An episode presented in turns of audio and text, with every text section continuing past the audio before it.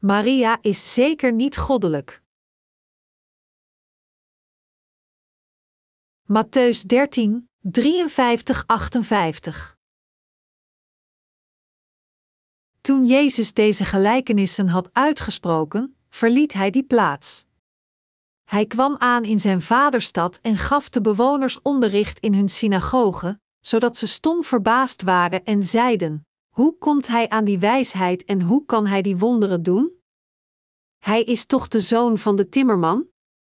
Maria is toch zijn moeder, en Jacobus en Jozef en Simon en Judas, dat zijn toch zijn broers?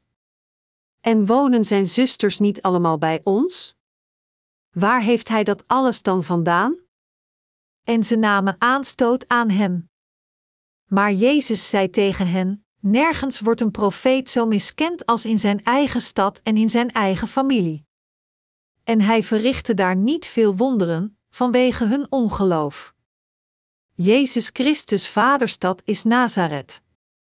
Jezus keerde terug naar zijn vaderstad, en hij leerde het woord van God daar in een Joodse synagoge. Iedereen die hem hoorde waren verbaasd en beledigd door hem, zeggend: Waar kreeg deze man zijn wijsheid en deze machtige werken van? Is hij niet de zoon van de timmerman? Wordt zijn moeder niet Maria genoemd? En zijn broers Jacobus, Jozef, Simon en Judas? En zijn zusters, zijn die niet alle met ons? Waar kreeg deze man al deze dingen? Toen Jezus terugkeerde naar zijn vaderstad en er doorging met het prediken van het woord van God, diegenen die zijn woord hoorden geloofden er niet in zelfs toen zij erdoor verbaasd waren. Wat is hier de reden van? Het is omdat deze plaats zijn vaderstad was. De reden waarom zij niet geloofden in wat Jezus zei is omdat hij van hun eigen vaderstad was. Dus de menigte was opgewonden, zeggend: Zover wij weten, is hij niet opgeleid, noch wist hij iets. Dus hoe kan hij deze dingen zeggen? Dit is waarom zij hem negeerden en niet geloofden in het woord van Jezus. Er zijn lessen die we moeten leren en weten van deze passage, en er is ook een noodzaak voor ons om ons geloof opnieuw te bevestigen door deze lessen. We moeten Maria niet vergoddelijken en haar voorafgoden. Omdat er in deze wereld organisaties zijn die Maria voorafgoden, wil ik het hier duidelijk maken dat het verkeerd is haar te vergoddelijken. Gewoonlijk plaatsen we de katholieke kerk onder de categorie van het christendom. Over de hele wereld zijn er meer katholieken dan protestanten. De reden waarom ik hier opeens het katholicisme noem is omdat niemand anders dan de katholieke kerk de vertegenwoordiger is van de religieuze organisatie die Maria heeft vergoddelijkt en haar voorafgoden. Waarom voorafgoden de katholieken Maria? Zij doen dit omdat zij geloven dat de maagd Maria alleen het leven gaf aan Jezus tot zij stierf. Zij verheffen haar als de koningin van de hemel. Zij noemen haar zelfs de moeder van God. Omdat Jezus de ware God is, lijkt dit letterlijk plausibel, maar een enorm gevaarlijk idee ligt hierin verborgen. Toen zij eenmaal begonnen Maria te vergoddelijken, zijn ze dergelijke neiging onophoudelijk blijven versterken. Ten slotte gingen de katholieken haar de onbevlekte Maria noemen. Anders gezegd, betekent dit dat zij geboren werd zonder zonden en geen enkele zonde tijdens haar leven begin. Dus, zij argumenteren dat zij geen leven schonk aan andere kinderen van Jozef, haar man, nadat zij Jezus Christus had geboren.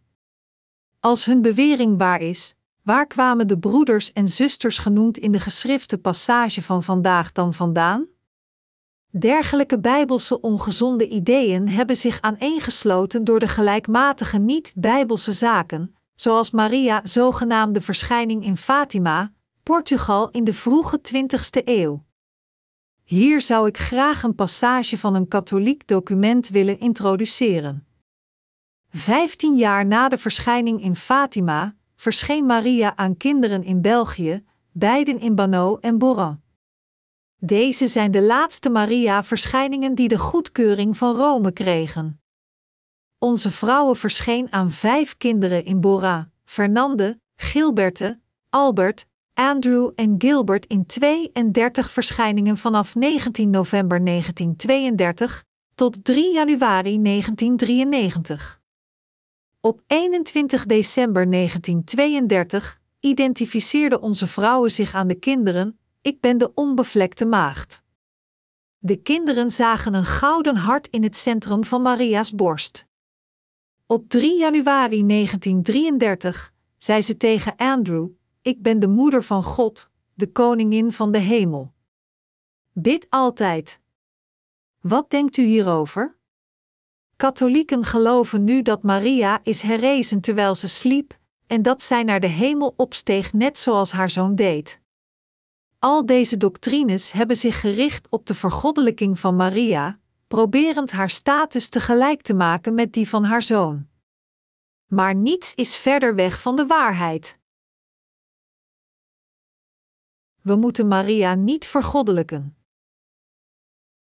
Maria was een Joodse die geboren werd in het huis van Juda. Zij was een gewone jonge vrouw van het huis van Juda, Jozef. Haar man was ook een man van het huis Juda. Wat is de oorsprong van dit huis? Een van de twaalf zonden van Jacob was Juda, en God had hem beloofd: Ik zal doorgaan met wekken van koningen uit uw afstammelingen. Volgens deze belofte werd Jezus Christus op deze aarde geboren als de koning van de koningen door het huis van Juda. We moeten ons daarom realiseren dat Maria absoluut niet iemand was die goddelijk moest worden. Zij was alleen een vrouw die met de speciale genade van God werd beschonken en als zijn kostbare instrument voor zijn werk van zaligmaking werd gebruikt. Als zodanig, als we kijken naar Maria's geloof, is ze inderdaad een gezegende vrouw en waardig aan ons respect, maar te zeggen dat deze Maria moet worden geëerd en verheven zelfs meer dan Jezus omdat ze op de een of andere manier geboren was zonder zonden, en ook omdat ze de koningin van de hemel is, is eenvoudig een product van onwetendheid voortkomend uit dwaze gedachtes. De katholieken noemen Maria de tussenpersoon van hun gebeden. Zij zeggen dat sinds Maria een tussenpersoon tussen God en de mens is, als mensen naar haar bidden, spreekt ze uit uw naam tegen God de Vader. En ze zeggen dat het nog doeltreffender is naar Maria te bidden. Dit is ontsprongen uit hun vleeselijke gedachtes dat het spreken tegen de moeder van de koning doeltreffender is dan haar zoon te vragen. Dus iedere dag bidden zij vele rozenkransen. Maar u moet serieus afvragen of uw gebeden echt worden doorgegeven aan God de Vader als u bidt naar Maria. In werkelijkheid gaf Maria aan meerdere kinderen het leven. We kunnen afleiden van de geschrifte passage van vandaag dat buiten Jezus zij zes of meer kinderen baarde. Jezus werd speciaal geboren door het lichaam van een maagd. Dat God werd geboren door het lichaam van de maagd Maria om mens te worden was iets dat Jezus onfeilbaar moest vervullen ten einde iedereen van zijn zonde te redden. Het was omdat Jezus, God zelf, zondeloos was dat hij werd geboren door het lichaam van de maagd Maria. Echter, de andere kinderen van Maria, dat zijn de broers en zusters van Jezus in het vlees, werden in deze wereld gewoon door normale bevruchting geboren. Jacobus, die de brief van Jacobus schreef, was de broer van Jezus, en Jozef, Simon en Judas waren de broers van Jezus in het vlees. En hij had minstens twee zusters of nog meer. Behalve Jezus werden alle andere kinderen van Marie en Jozef door normale bevruchting geboren. Het is een leugen te beweren dat Maria aan niemand anders dan Jezus het leven schonk, en het is ook een leugen en een denkfout te beweren dat Maria werd geboren zonder zonden. Dat is absolute onzin. Als zodanig moeten we Maria niet voorafgoden. We moeten de maagd Maria niet aanbidden als God, en zeker niet denken over haar als Gods moeder of vrouw. Nog moeten we naar haar bidden. We moeten haar niet als God aanbidden, en haar evenmin als God eren. Katholieken zeggen het gebed van Maria dat gaat: Heilige Maria, vol van genade, de Heer is met u, gij zijt de gezegende onder de vrouwen, en gezegend is Jezus de vrucht van uw schoot, Heilige Maria, Moeder van God, bid voor ons zondaars nu en in het uur van onze dood. Amen. Ik heb eens op de katholieke tv-zender gezien hoe zij het gebed van Maria waren aan het bidden. Een man zei het eerste deel van het gebed op, en dan reageerde de andere met de andere helft ervan. Toen ik dit zag, maakte mij dat zeer verdrietig. Zij bidden zo, maar Maria is niet vol van genade zoals God. Wat een onzin is dit om over Maria te spreken alsof zij vol van genade is zoals God? Maria was gewoon een vrouw aan wie God zijn genade had geschonken. Net als u en ik de genade van God hebben ontvangen, net zo kreeg Maria de liefde van God. Het was omdat God het lichaam van Maria gebruikte als zijn instrument dat zij gezegend was. Het was alleen omdat Maria Gods genade accepteerde door geloof, dat zij ontving en geboorte gaf aan Jezus, dat zij Gods genade en liefde ontving, had zij Jezus niet geboren, dan was ze niet anders geweest. Toch, ondanks dit, denken mensen nog steeds over haar in vleeselijke termen, verafgoden haar, maken beelden van haar en vragen hulp aan haar voor deze beelden. Niets kan meer troosteloos zijn. In het katholicisme zijn veel verschijningen van Maria gerapporteerd. Andere getuigen dat zij een traan van bloed uit de ogen van haar standbeeld hebben gezien. Als een standbeeld bloedt, bloedt het alleen roestkleur, omdat als er water in het standbeeld komt, het ervoor zorgt dat de metalen onderdelen beginnen te roesten. Door dit te voorafgoden, creëren katholieken een atmosfeer alsof Maria nog leeft, maar in feite is al dit gepraat volslagen krankzinnig. Natuurlijk, deze woorden kunnen diegenen die Maria voorafgoden en haar aanbidden boos maken, maar dit is de realiteit. Zij beweren dat Maria nooit het leven schonk aan iemand anders behalve Jezus. Maar er staat duidelijk geschreven in het woord dat Maria aan verschillende kinderen het leven schonk. Betekent dit dan dat deze Bijbel een leugen is? Of betekent het dat hun Bijbel anders is dan onze Bijbel? Deze passage is in hun Bijbel dezelfde als in onze, hoewel zij zeven extra boeken hebben genaamd apocryphe. Hoe kan Maria de heilige moeder van God zijn? Zij is een van de eenvoudige vrouwen. Precies als ons, is Maria een van de mensen. Dus naar haar te bidden is compleet nutteloos. Diegenen die vleeselijk geneigd zijn, hebben Maria zo verkeerd begrepen dat zij haar voorafgoden en haar goddelijk hebben gemaakt, en plaatsen hun geloof in haar. Maar deze Maria, die katholieken eren als de koningin van de hemel zelfs op dit moment, was niets meer dan een eenvoudige vrouw, net zoals er geschreven staat in het woord. Maria was niet zo'n vooraanstaande vrouw zoals iedereen vermeldt, maar ze was gewoon een vrouw van geloof. Maar de volgende generaties verafgoden en aanbaden haar net zo. Dit was het complot van de duivel. Hij vertelt tegen de mensen: geloof in Jezus, maar geloof ook in Maria, zodat zij niet de vergeving van zonden zouden ontvangen, ongeacht hoeveel zij in Jezus geloven. De duivel doet dit omdat iemand niet gered kan worden als iets wordt toegevoegd of weggelaten van het woord van God. Dit is waarom ik vandaag dit onderwerp zo serieus behandel en probeer het woord van de waarheid te prediken. Er is niets anders dan dit geloof in het evangelie van het water en de geest dat we moeten weten. Los van dit geloof, al onze slechte daden, zoals de waarheid bederven en menselijke wezens voorafgoden uit onze vleeselijke gedachtes maakt van u alleen Gods vijanden, en daarom moeten we deze dingen niet tolereren. Sinds de katholieke kerk het feit heeft verborgen dat Maria meer kinderen heeft geboren behalve Jezus, bidden katholieken feitelijk naar Maria en raken dus steeds verder verdwaald. Het is omdat zij niet geloven in het woord, maar hun eigen mens gemaakte gedachten volgen dat zij alle zo zullen vergaan. Als u en ik doorgaan met onze levens van geloof, als we niet geloven gebaseerd op het woord van God, zullen wij ook dergelijke gevolgen aanschouwen.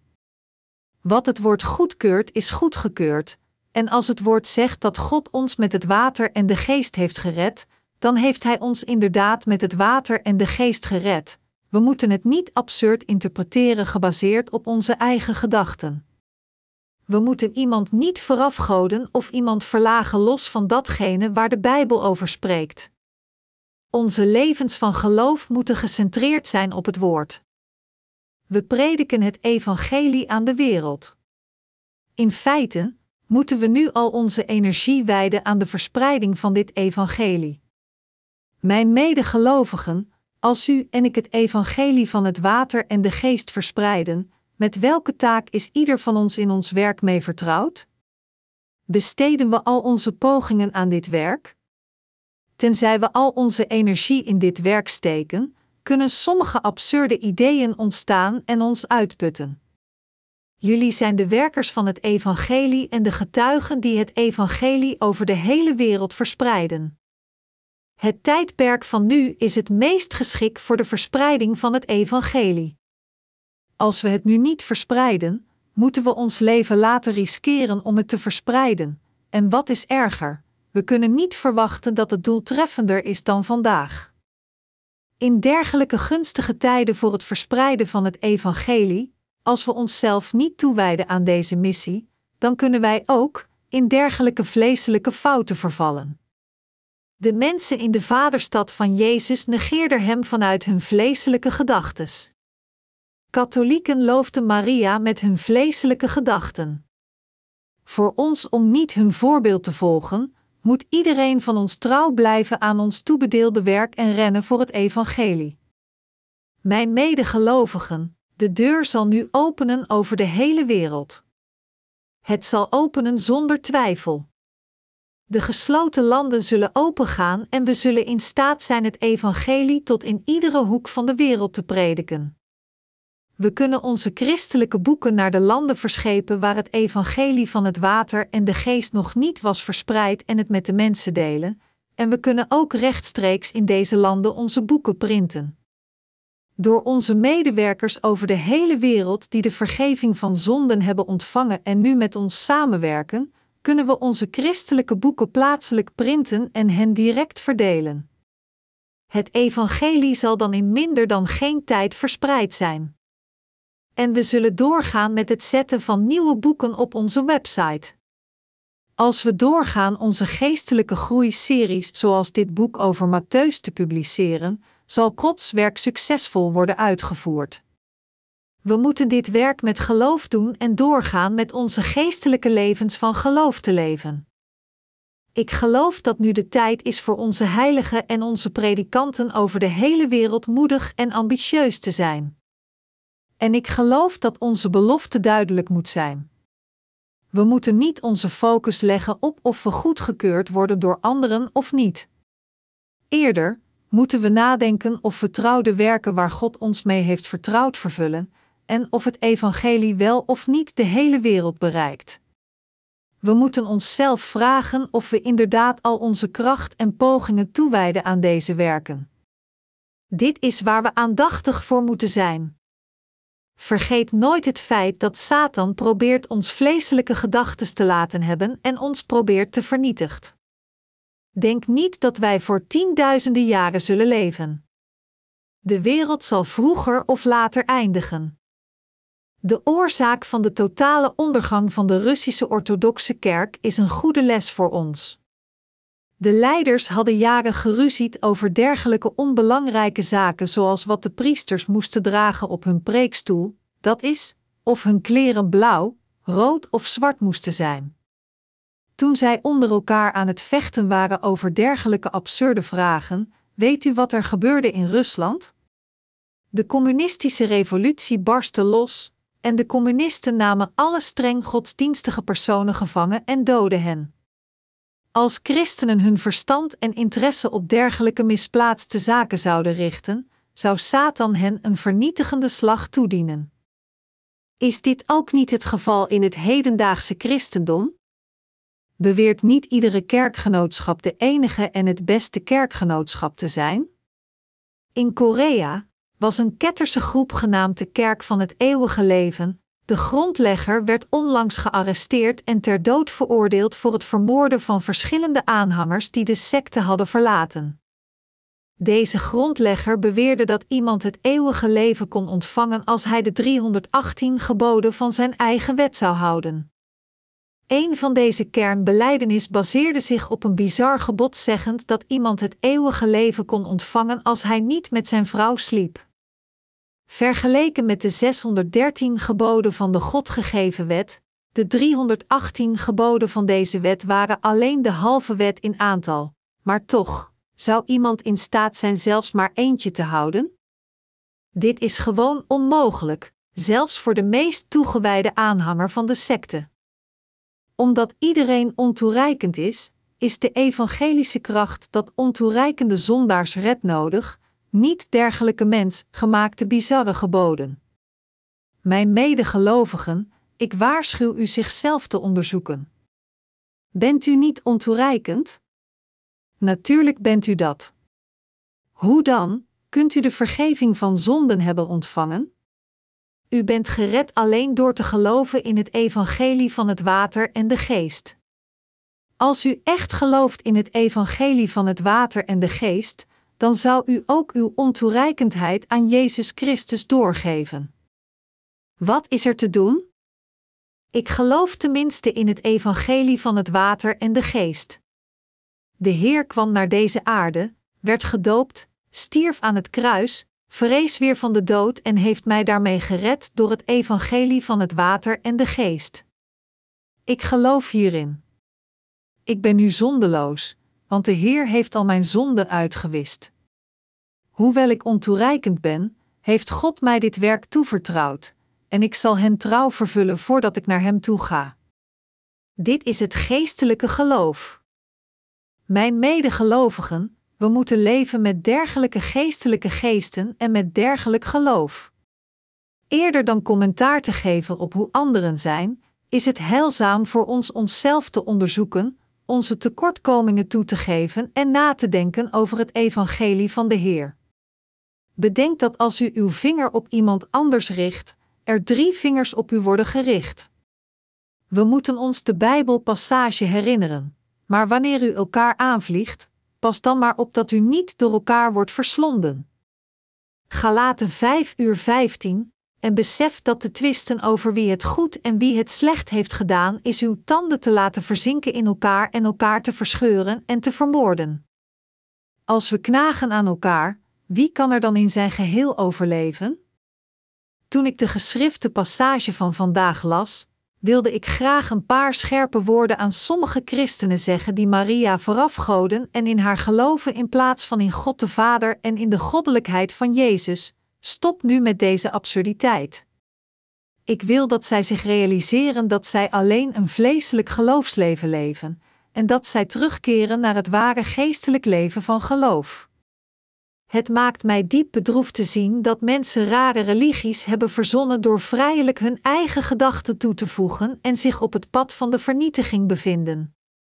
We moeten geloven in de waarheid geopenbaard door de Bijbel zoals het is. Sinds het woord zegt dat God al onze zonden heeft uitgewist met het evangelie van het water en de geest, moeten we dien overeenkomstig geloven, net zoals het geopenbaard is. Het is als we hierin geloven dat we zondeloos worden. En het is ons doel van geloof voor ons wedergeboren te zijn en dus het koninkrijk van de hemel binnen te gaan. Is dit waar of niet? Natuurlijk is het dat. Zijn we zondeloos geworden omdat er een emotionele verandering in onze harten heeft plaatsgevonden? Nee, het is omdat we geloven in het evangelie van het water en de geest dat we nu zondeloos zijn. Mijn medegelovigen, als iemand probeert het evangelie van het water en de geest te veranderen, is hij zonder twijfel verkeerd. Maar onder de rechtvaardigen kunnen er slechterikken zijn, hoewel zij niet proberen het ware evangelie te veranderen.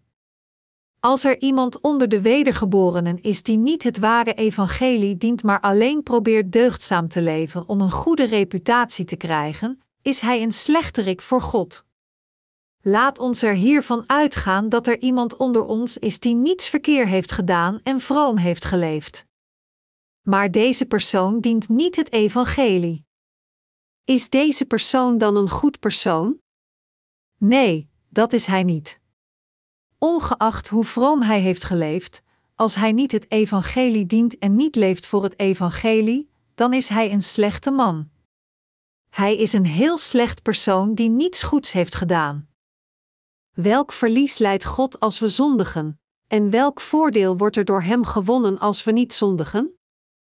Als we zondigen, dan zijn het alleen wij die worden veroordeeld en gestraft. God wordt niet beheerst of beïnvloed door ons, maar Hij is de enige alwetende en almachtige God die alles kan doen volgens Zijn wil. Hij is de rechter. Wij moeten Hem daarom niet zien als een van ons, alsof Hij als ons is. Het zijn wij die Hem nodig hebben. Is het omdat we vroom hebben geleefd dat we rechtvaardig zijn? Nee, absoluut niet. Het is omdat we in Hem geloven dat we de vergeving van onze zonden hebben ontvangen. Het is omdat Hij als onze zonden heeft uitgewist met het evangelie van het water en de geest dat wij gered zijn. En het is omdat we in dit geloven dat we nu zondeloos zijn. Vroom leven betekent niet dat er meer geestelijke veranderingen in ons zijn. Als we het evangelie dienen, veranderen we geestelijk en ons geloof groeit. Als we het evangelie niet dienen, dan is er geen voordeel voor ons, nog zijn we er op geen enkele manier beter af. Als het evangelie van ons weggenomen wordt, is er geen goed geloof in ons, nog, wat dat betreft, enig ander geloof. Laat ons hier aannemen dat u uw pogingen om het evangelie te dienen opgeeft en in plaats daarvan uw eigen vleeselijke zaken volgt. Wat zal er dan gebeuren? U zult in geen tijd bederven. Uw harten zullen onmiddellijk wegrotten, net als maden over een dode rat zwermen. Als uw harten dus sterven en rotten, de stank van rotting zal zich verspreiden. Uw lichamen, uw handelingen, uw geest en uw verstand zal een walgelijke stank afscheiden. Bent u het hiermee eens? Hetzelfde geldt ook voor mij. Ik zal ook stinken met een verschrikkelijke stank als ik niet het evangelie dien. Was ik niet wedergeboren, ik zou het niet uithouden met de mensen van deze wereld. Tenzij we het evangelie dienen, zijn dit diegenen die we zouden worden. Ons geloof moet niet vleeselijk zijn, maar geestelijk. We moeten ons geloofsleven niet vleeselijk leven. Om af te leiden dat Maria de vrouw van God de Vader is omdat zij het leven schonk aan Jezus is een vleeselijke logica. Hoe kan dit een geestelijk logica zijn? Kan iemand Jezus negeren alleen maar omdat hij van deze vaderstad is? Men moet Maria niet voorafgoden, nog moet men Jezus verwerpen omdat hij van dezelfde vaderstad is. Jezus is de zoon van God, hij is fundamenteel God zelf en hij is onze verlosser. Toch, ondanks dit, waren er Joodse rabbijnen leraren, dat is, die zijn woord hoorden en hem negeerden. Ongeacht hoe belangrijk deze leraren mochten zijn, zij konden niet spreken zoals Jezus. Zij konden niet de geheimen van de zaligmaking openbaren. Maar ondanks dit stonden zij nog steeds tegen het evangelie van het water en de geest en weigerden erin te geloven. En omdat zij niet geloofden, deed Jezus er geen wonderen en gaf geen tekenen. Hetzelfde geldt voor u, maar ook voor mij. Als u niet gelooft in dit woord van God, zal de Heer niet in uw harten werken. Het is als u en ik geloven in het woord van God met hart en ziel dat de Heer in onze harten werkt. Als de Heer onze harten stevig vasthoudt, hen vult, ons Hem laat dienen en ons in staat stelt te vermijden in het slechte te vervallen en Hem te volgen door ons met Zijn woord te leiden, is als we stevig in ons geloof staan. Daarom moeten we ons geloofsleven niet vleeselijk leven, maar moeten we leven met geloof.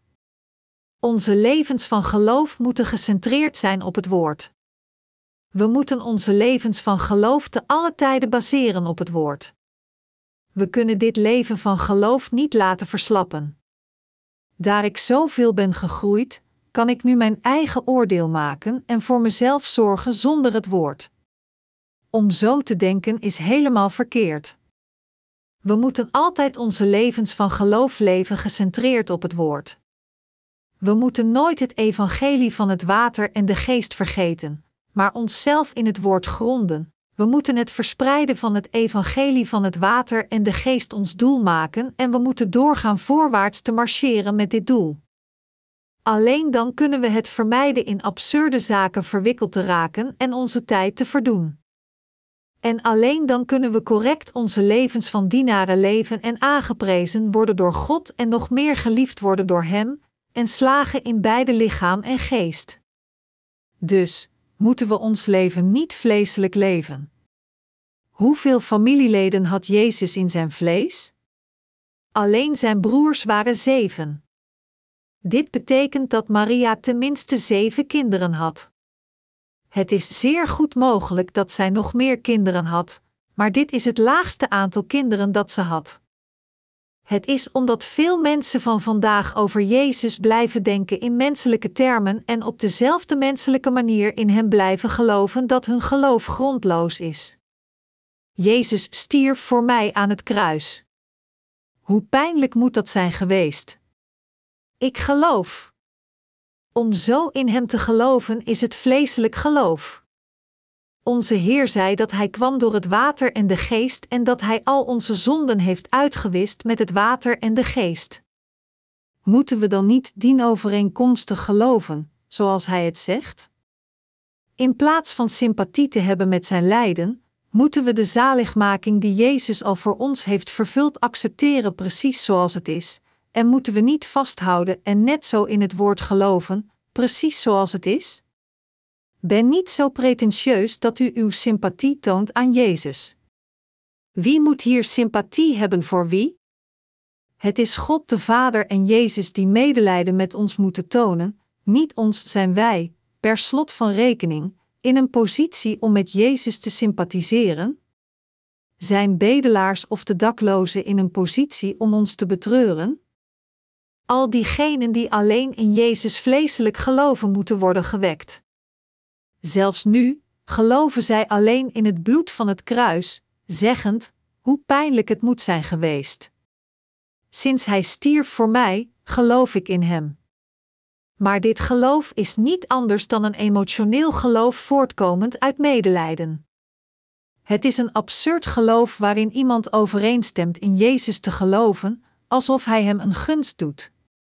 Het is een arrogant geloof dat zegt: Oké, ik zal nu erkennen. Ik zal erkennen dat u mij gered heeft. Hoe verkeerd is dit? Het is een belediging die de trots van onze Heer raakt. Het is een lasterende belediging aan Hem, voor iemand die het medelijden van de Heer nodig heeft, niet zijn juiste plaats wetend, overeen te stemmen in Hem te geloven alsof Hij Hem een plezier doet. Wat het maakt om in een juiste relatie tot God te staan is geloof. Wat is het echte geloof? Kijkend naar het werk van de zaligmaking waarmee God ons heeft gered met het water en de geest, we kunnen niet anders dan de waarheid van Zijn liefde toe te geven met dankbaarheid. En omdat deze evangelische waarheid voor ons zin maakt als we het overdenken met ons gezond verstand, we kunnen niet anders dan God te eren en aan Hem beleiden: Ik geloof in datgene wat U voor mij heeft gedaan. Ik geloof in Uw rechtvaardige werk. Niets anders dan dit is geloof. Te kijken met verering naar wat God voor ons heeft gedaan en erin te geloven is geloof. Een religie, echter, is iets dat is gemaakt door menselijke gedachtes. In plaats van verbonden te zijn met uw tekortkomingen, moet u mediteren over de waarheid dat de Heer al uw zonden heeft uitgewist met het evangelie van het water en de geest, en in deze waarheid geloven. Werden onze zonden niet doorgegeven aan Jezus toen hij werd gedoopt in de rivier de Jordaan en weer omhoog kwam uit het water? Onze Heer nam door zijn doopsel onze zonden op zich, stierf aan het kruis en vrees weer van de dood, heeft ons perfect gered. Als onze zonden werden doorgegeven aan Jezus, dan zijn we nu zondeloos. Hebt u nog steeds zonden, of heeft u geen zonden?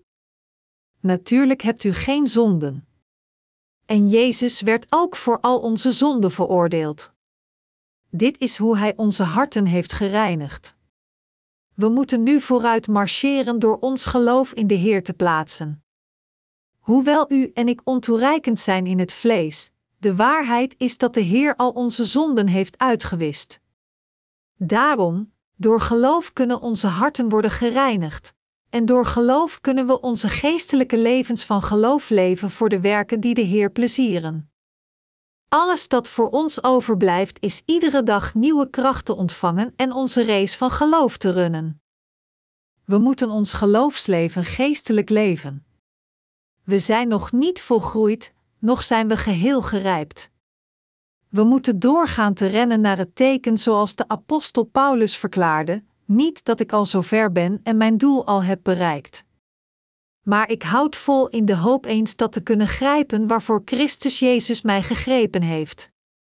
Broeders en zusters, ik beeld me niet in dat ik het al heb bereikt, maar één ding is zeker: ik vergeet wat achter me ligt en richt mij op wat voor me ligt. Ik ga recht op mijn doel af, de hemelse prijs waartoe God mij door Christus Jezus roept. Filippenzen 3, 12, 14. Evenzo wil ik ook graag zeggen tegen ieder van u en onze werkers over de hele wereld: klaag niet over dit of dat, ben trouw aan datgene waar u mee bent toevertrouwd. Als u een minuutje over heeft tijdens dit werk, dan moet u zichzelf onderzoeken en weer stevig in uw geloof staan. Welke ruimte is er voor u om commentaar te geven over hoe iemand anders het doet, ongeacht of zij het goede of slechte doen? Ben ijveriger als u extra tijd overhoudt. We zijn nog steeds ver weg van het doel om de hemelse roep van God in Jezus Christus te verkrijgen. Kunt u heilig genoeg worden om voor God te staan met uw eigen rechtvaardigheid? Kunt u dergelijke heiligheid bereiken zonder een fout te maken in uw gespreken of gedrag? Nooit! De Heer te dienen is heilig. Het is niet door te beweren dat we heilig zijn dat we ook heilig kunnen worden. Het is alleen vanwege het Evangelie dat we heilig zijn geworden. Het is omdat het Evangelie al onze zonden heeft uitgewist dat we heilig werden. Eerlijk gezegd, bidden we niet zoveel als we samen zijn. We bidden voor de verspreiding van het evangelie over de hele wereld en voor alle dingen die we doen om het evangelie trouw en effectief te dienen. Dan, wij de werkers van God, eten we en praten we met elkaar in grote vreugde. Sinds we ons ontmoeten na het harde werk, eten we lekker en herstellen onze kracht.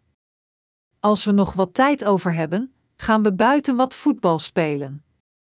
We worden verfrist door dit te doen en gaan terug in onze posities om ons best te doen om de evangelische waarheid te dienen.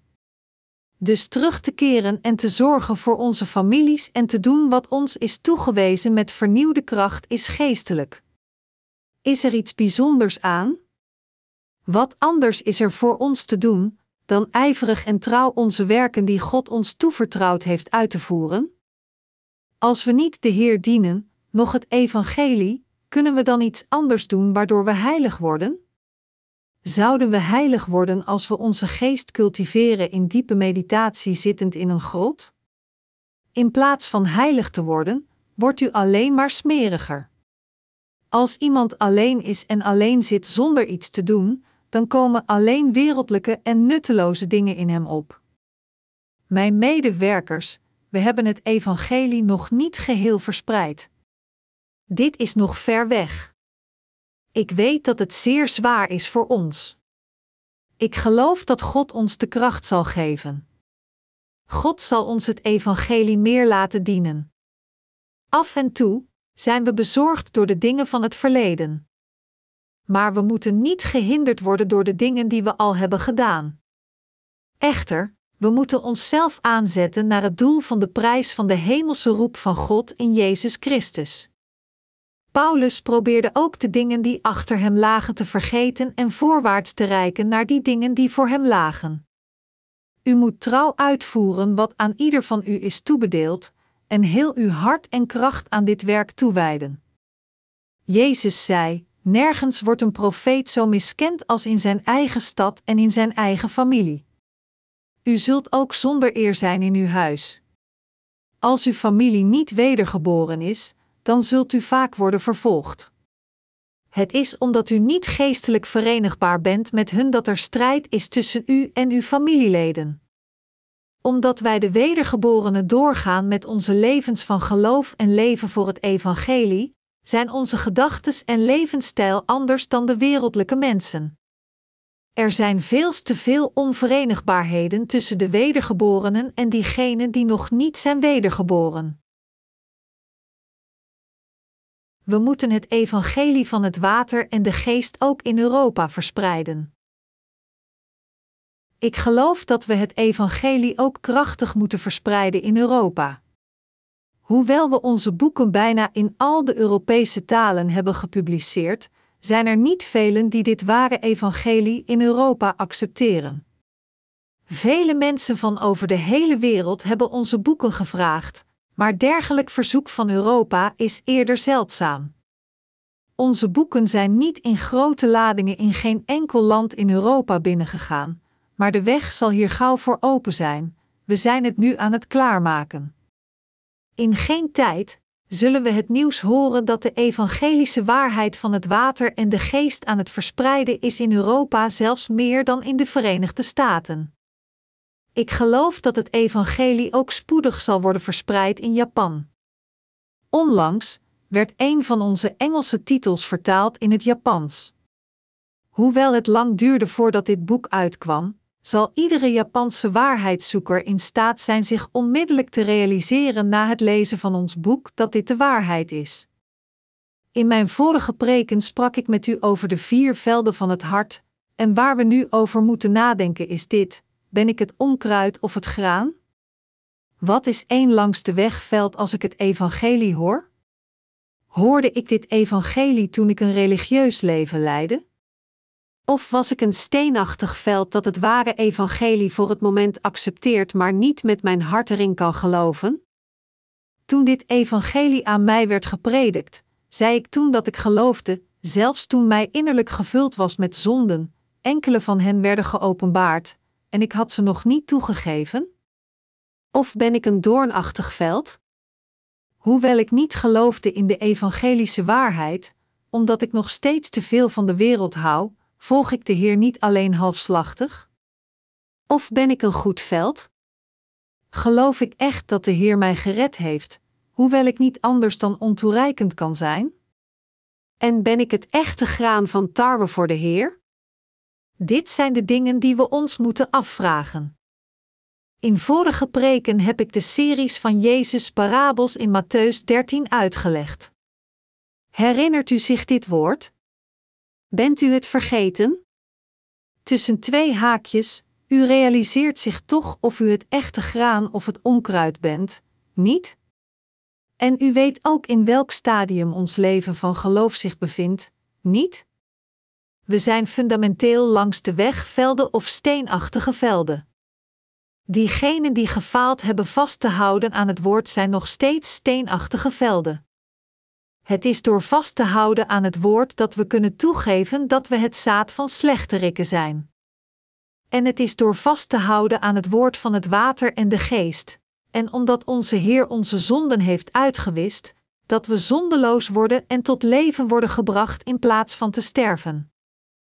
Hoewel ik de vergeving van mijn zonden heb ontvangen, probeer ik niet nog steeds te slagen alleen in deze wereld, niet in staat de lust voor deze wereld uit te bannen?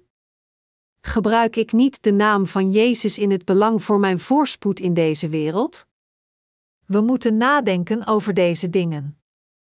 We moeten ons onderzoeken om te zien of we deze drie soorten van velden zijn. Dergelijke harten hebben geen interesse in het evangelie van het water en de geest, noch om het te dienen, maar zijn alleen geïnteresseerd in het rijk worden. En bedrogen door de roem van de wereld en het plezier van het vlees, liggen al onze interesses in deze dingen.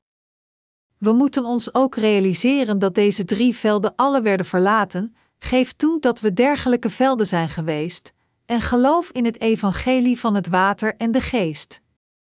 We moeten toegeven, Mijn hart verlangt naar deze wereld en kent zijn eigen zonde niet. Dit is niet juist. Ik maak nu een fout. En we moeten geloven in het woord van het water en de geest. Dan zullen we goede velden worden, accepteer het woord, draag goede vruchten, en we worden zelf het echte graan. Het is als we accepteren dat we slecht zijn en dat we zeker naar de hel gaan als we zonde hebben, en als we ook het evangelie van het water en de geest accepteren, dat we goede velden kunnen worden. Dit is hoe we het graan en het goede veld voor God kunnen worden en oogsten met 30, 60 en 100 fout. Dergelijke mensen worden door God geprezen en met meerdere werken toevertrouwd. Zij zullen nog trouwer worden als zij worden vervolgd, en daarom zal de Heer nog meer zegeningen aan hen schenken. Daar bestaat geen twijfel over. Toen Petrus tegen Jezus zei: Maar we hebben alles achtergelaten om u te volgen, antwoordde Jezus en zei: Ik verzeker jullie, iedereen die broers of zusters, moeder, vader of kinderen, huis of akkers heeft achtergelaten omwille van mij en het evangelie, zal het honderdvoudige ontvangen, in deze tijd broers en zussen, moeders en kinderen, huizen en akkers, al zal dat gepaard gaan met vervolging, en in de tijd die komt het eeuwige leven. Marcus 10, 28, 30. Als we het evangelie van het water en de geest dienen, geeft de Heer ons nooit de zegeningen van geloof zonder vervolging. Onze Heer wil dat we worden gereinigd van de vleeselijke restanten van onze harten voordat Hij ons zegent naar hartelust. Als Hij denkt: Deze is mij trouw, en zal niet verdwalen zelfs als ik hem zegen, dan schenkt Hij hem ook materiële zegeningen. God geeft ons als eerste een sterk geloof, en dan geeft Hij ons andere zegeningen bovenop de zegeningen van geloof. We moeten nadenken over deze dingen. Om het diep gewortelde geloof te krijgen, moeten we vasthouden aan het woord dat we horen, geestelijke gedachten hebben, geloven in Gods woord en nadenken over hoe we moeten leven. We moeten onze harten nederig maken voor God in plaats van te denken dat we al perfect zijn. We moeten onze vleeselijke overblijfselen uit ons verstand verwijderen als de Heer ons dit een keer in de zoveel tijd laat doen, en onze ware persoonlijkheid toegeven als God ons dit laat doen.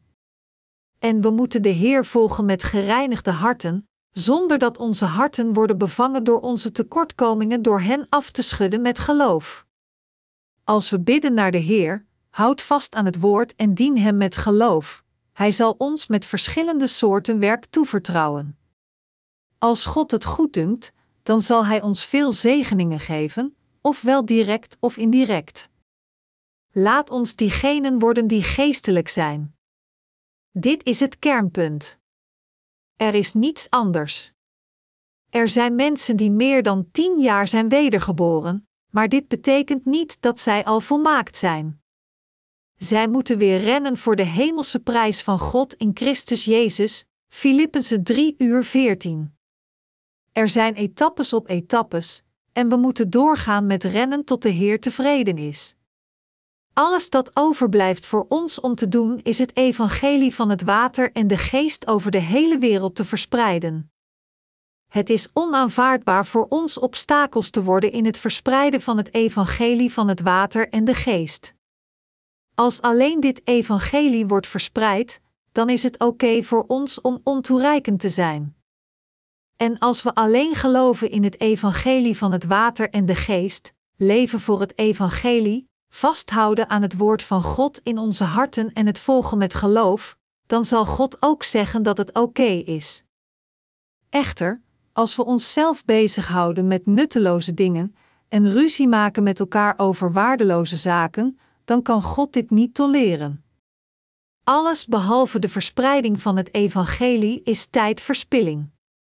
We moeten alles doen voor het belang van de verspreiding van het evangelie van het water en de geest, zoals er staat geschreven. Dus of u nu eet of drinkt of iets anders doet, doe alles ter ere van God. 1 Corinthiërs 10 uur 31. En ik moet zeggen dat de katholieken over de wereld wakker moeten worden en tot hun positieve moeten komen. Ongeacht of zij dit wel willen horen of niet, wat er gezegd moet worden, moet gezegd worden. Zij moeten weten dat Maria het leven schonk aan zes kinderen buiten Jezus. Het is de plicht van de profeten het voor hen mogelijk te maken zich de waarheid van het woord te realiseren en te zeggen: wat we hebben geloofd was helemaal fout. Het was verkeerd. Maria was een gewone vrouw, maar ze werd gezegend toen ze geloofde in het woord van God. Wij verlangen ook dergelijk sterk geloof te hebben, want dit is het meest gezegende ding voor al de wedergeboren heiligen. Of de mensen naar ons luisteren of niet, wij de priesters van deze tijd moeten hen de waarheid van het woord van God precies vertellen, want er staat geschreven: Kennis ligt op de lippen van de priester en waarheid zoekt men in wat hij zegt, want hij is een bode van de Heer van de hemelse machten. Maleachi 2, 7. Laat ons God danken en al onze kracht toeleggen op het dienen van het evangelie. Laat ons alleen leven met het geestelijk geloof. Halleluja!